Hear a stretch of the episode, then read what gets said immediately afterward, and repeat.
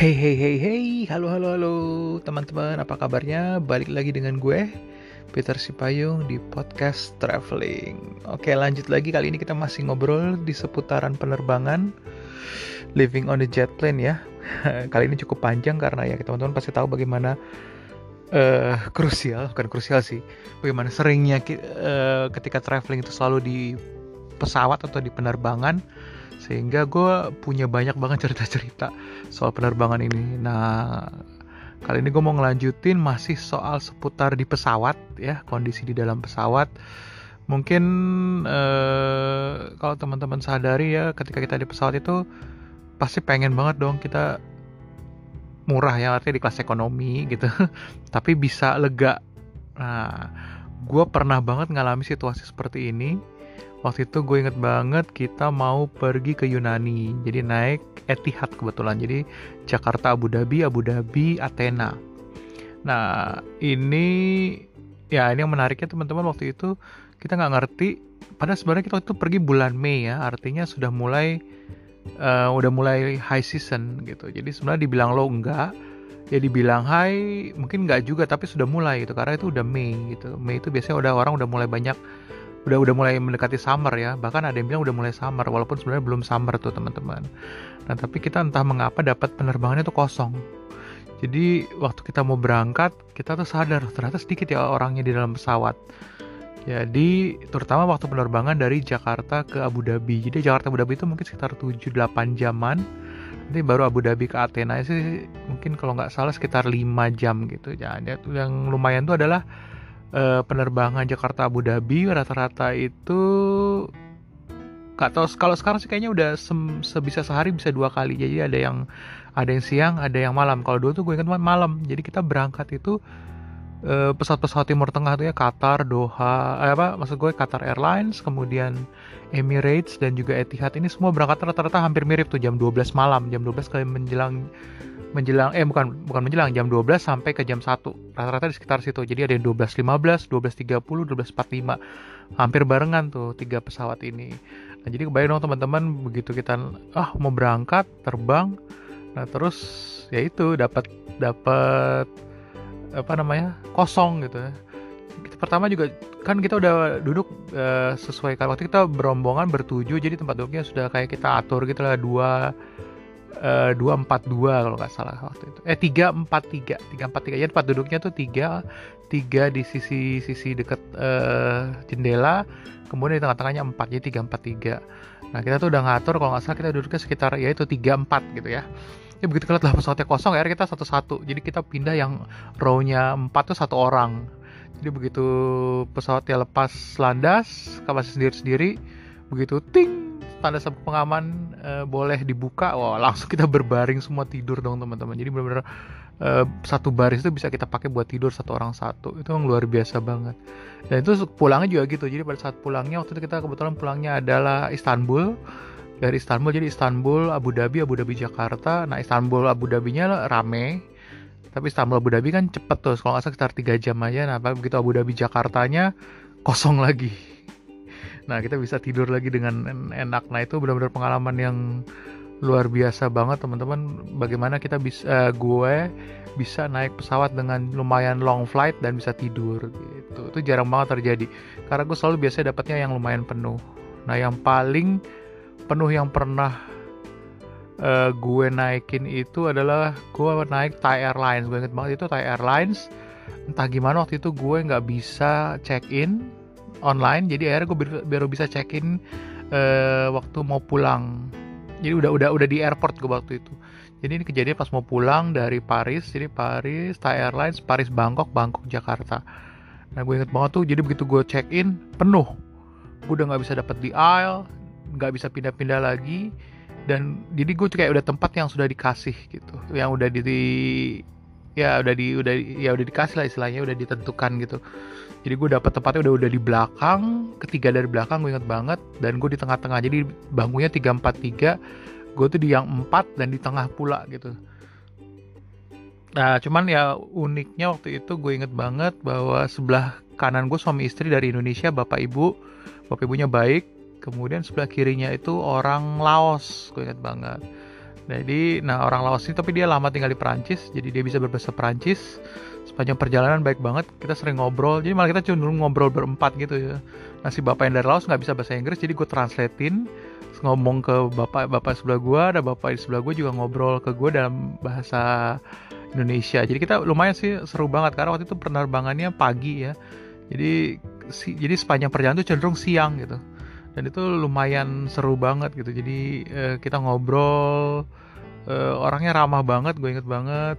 Orang yang bawa bapak dan ibu yang di sebelah kanan gue juga baik banget ramah. Jadi kita nggak terasa banget tuh teman-teman ngobrol. Nah, jadi walaupun kondisinya tidak nyaman untuk tempat duduk tapi ternyata gue cukup nyaman dengan ketemu teman-teman atau orang-orang yang cukup baik sebelah kiri kanan gue gitu. Nah soal-soal kenyamanan ini juga berapa kali gue juga menemukan yang lucu-lucu ya, maksudnya teman ngobrol gitu. Uh, gue ingat waktu gue pulang juga itu naik lot, lot itu Polis Airline ya, uh, airline Polandia. Itu gue malah kalau salah itu tempat duduknya dua empat dua itu tempat duduknya gue ingat banget dua eh no tetap tiga empat tiga. Cuman yang tiga itu gue cuma berdua jadi tengahnya kosong. Nah itu enak banget tuh jadi tengahnya bisa buat taruh barang apa segala macam nah jadi ternyata uh, gue di aisle tengahnya kosong kemudian yang di yang di apa namanya uh, jendela window itu uh, orang Brazil. Nah itu juga kita lumayan ngobrol-ngobrol sebentar orangnya juga seru uh, asik gitu. Gue ngobrol ngobrol banyak hal gitu dan ya itulah pokoknya cukup menyenangkan. Kemudian juga yang lucu gue juga pernah saat tempat duduk itu dengan orang Kirgis waktu gue pulang dari Kirgistan. Jadi waktu itu pesawatnya Kirgistan ke Uzbek baru kita ganti pesawat Uzbek ke Jakarta langsung direct nah itu kebetulan gue ketemu orangnya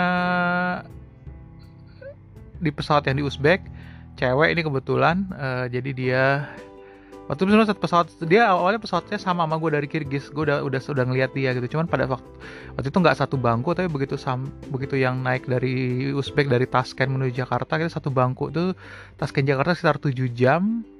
Uh, itu pesawatnya malam menjelang sore eh ma iya malam menjelang sore jadi nyampe di Jakarta nanti pagi jadi uh, eh, itu juga lumayan seru.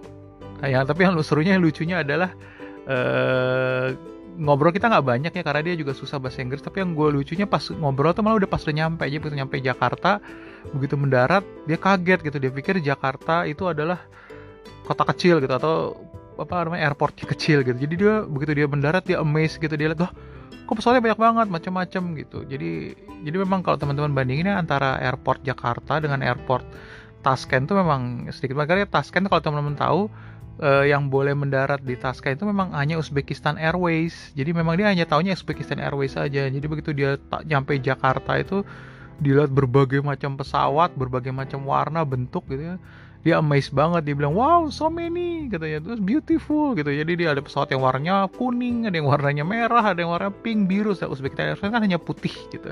Nah itu dia lucu. Terus dia sampai ngobrol nanya gitu. Jadi dia berusaha untuk pakai bahasa Inggris ya. Gue berusaha untuk nerangin. Ya ini lumayan bandara terbesar di Indonesia gitu. Mungkin juga salah satu bandara yang cukup ramai di dunia gue bilang kayak gitu. Nah itu eh, dan orangnya juga baik. Sepanjang perjalanan juga sempat ngobrol-ngobrol sedikit kayak gitu teman-teman. Nah itu yang gue inget banget ya.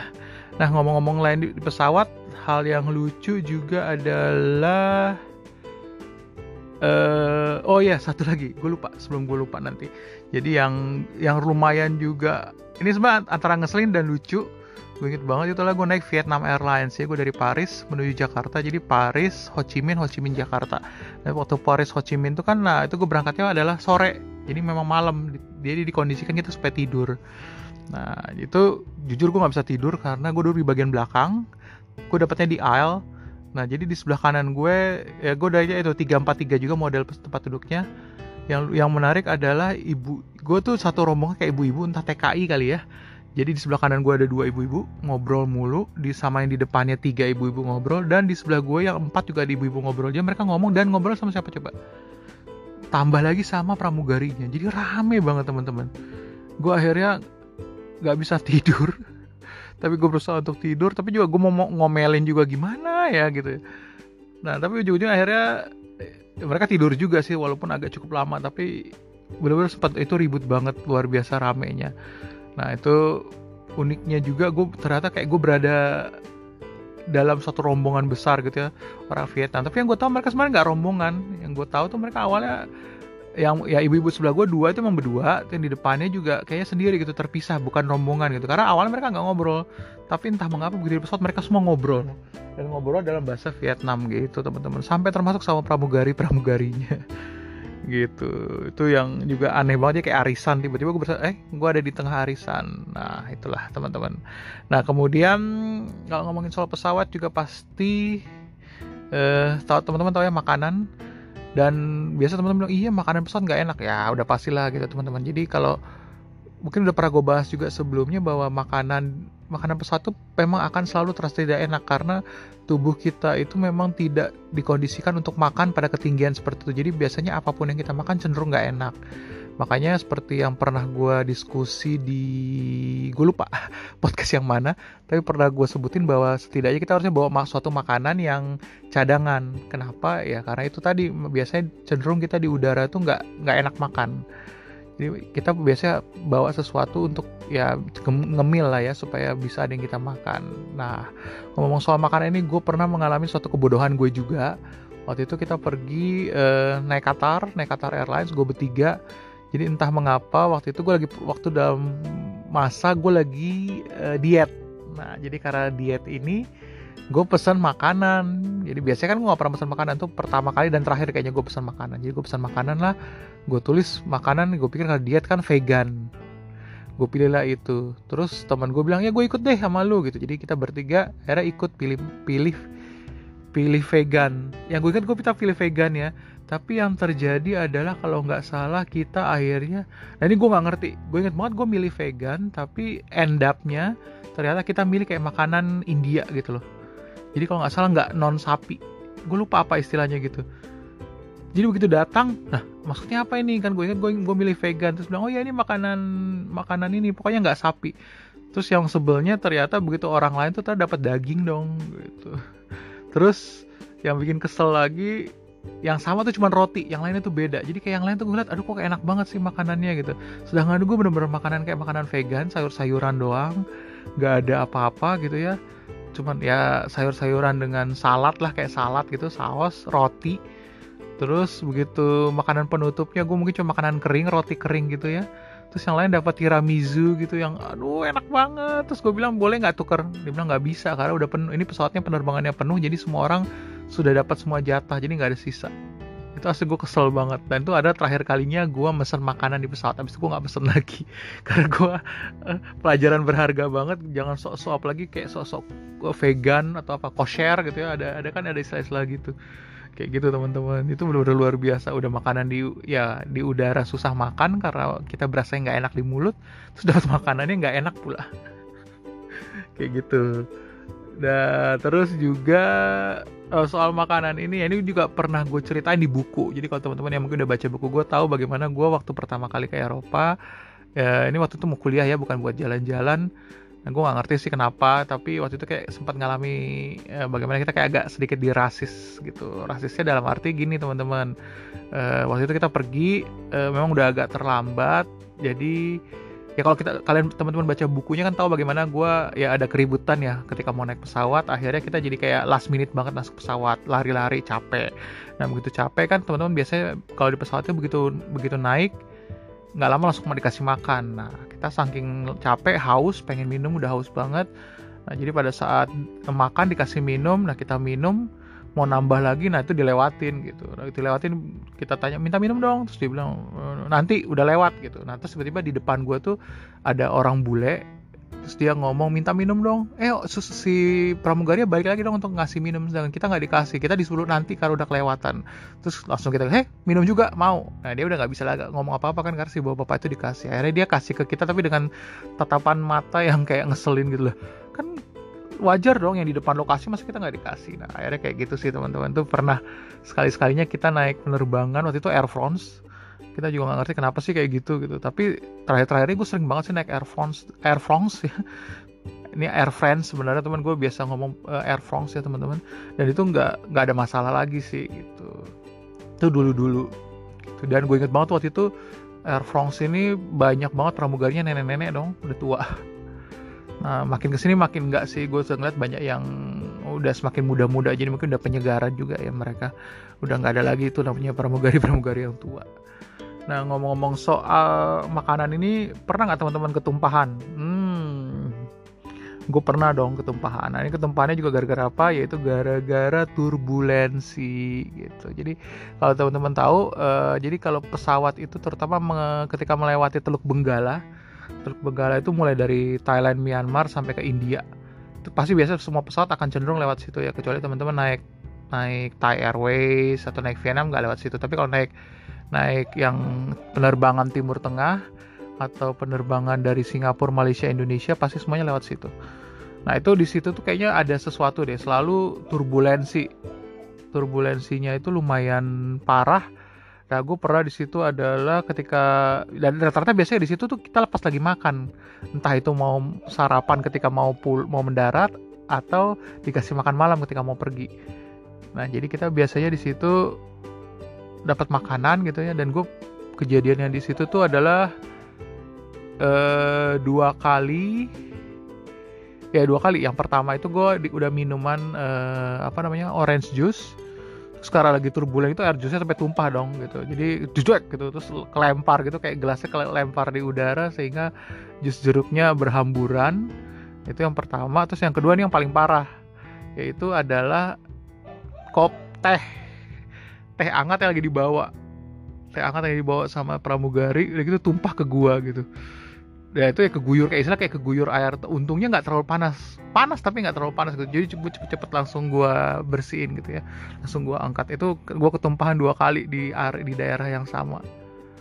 Itu itu yang gue inget banget. Jadi memang parah banget soal turbulensi ini. Nah ngomong soal turbulensi yang gue inget banget turbulensi yang paling parah yang pernah gue rasain itu atau penerbangan dari Stockholm penerbangan dari Stockholm menuju ke Iceland Reykjavik Nah, cuman problemnya waktu itu adalah teman-teman gua gue inget banget jadi kita jalan bertiga dan kita tuh udah capek banget. Jadi penerbangan kita waktu itu adalah Jakarta, Singapura, Singapura, uh, Frankfurt, Frankfurt, Stockholm, Stockholm, Reykjavik. Jadi kayak begitu sampai Stockholm tuh udah 24 jam udah gitu kayak kita juga masih nunggu di Stockholm tuh sekarang 6 jam baru berangkat ke Reykjavik. Jadi kita nggak keluar airport hanya nunggu-nunggu di airport doang.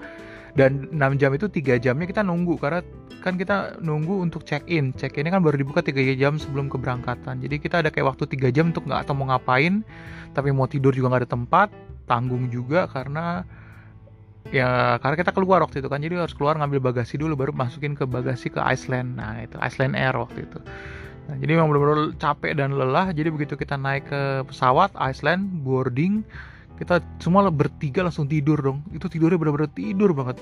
Tapi kita sempat kebangun itu gara-gara turbulensi turbulensi yang dahsyat banget kencang banget luar biasa. Kita inget banget tapi ya udah nggak terlalu berasa banget. Artinya gini akhirnya ya udahlah gitu. Saking kita ngantuk dan capeknya benar-benar kita tuh ketiduran banget. Dan gue inget banget tuh kayak banyak penerbangan di penerbangan tuh kayaknya banyak um, apa sih banyak orang yang ketakutan gitu. Karena benar-benar parah banget goncangannya turbulensinya. Begitu banget sepanjang perjalanan tuh kita hampir selalu nggak ngelepasin sabuk nggak bisa ngelepasin sabuk pengaman. Karena sepanjang perjalanan tuh selalu uh, apa tanda sabuk pengaman dipakai itu selalu selalu nyala gitu. Itu yang gue inget banget sih teman-teman. Luar biasanya parahnya dan ya itu saking lelahnya kita jadi nggak benar-benar nggak ngerti dan nggak dengar benar-benar nggak nggak merhatiin lagi udah sekitar pokoknya udah pokoknya gue tidur dah ngantuk luar biasa kayak gitu teman-teman. Nah terus apa lagi ya? Mungkin ya segitu dulu. Udah hampir 20 menit. Itu cerita-cerita menarik gue ya seputar uh, di pesawat. Mungkin masih ada lagi. Ya mungkin next gue akan ngebahas mungkin pesawat-pesawat apa yang menurut gue cukup menarik, cukup bagus, gue akan share masih di Living on the Jet Plan. Thank you banget udah dengerin teman-teman. Sampai ke next podcast. Dadah.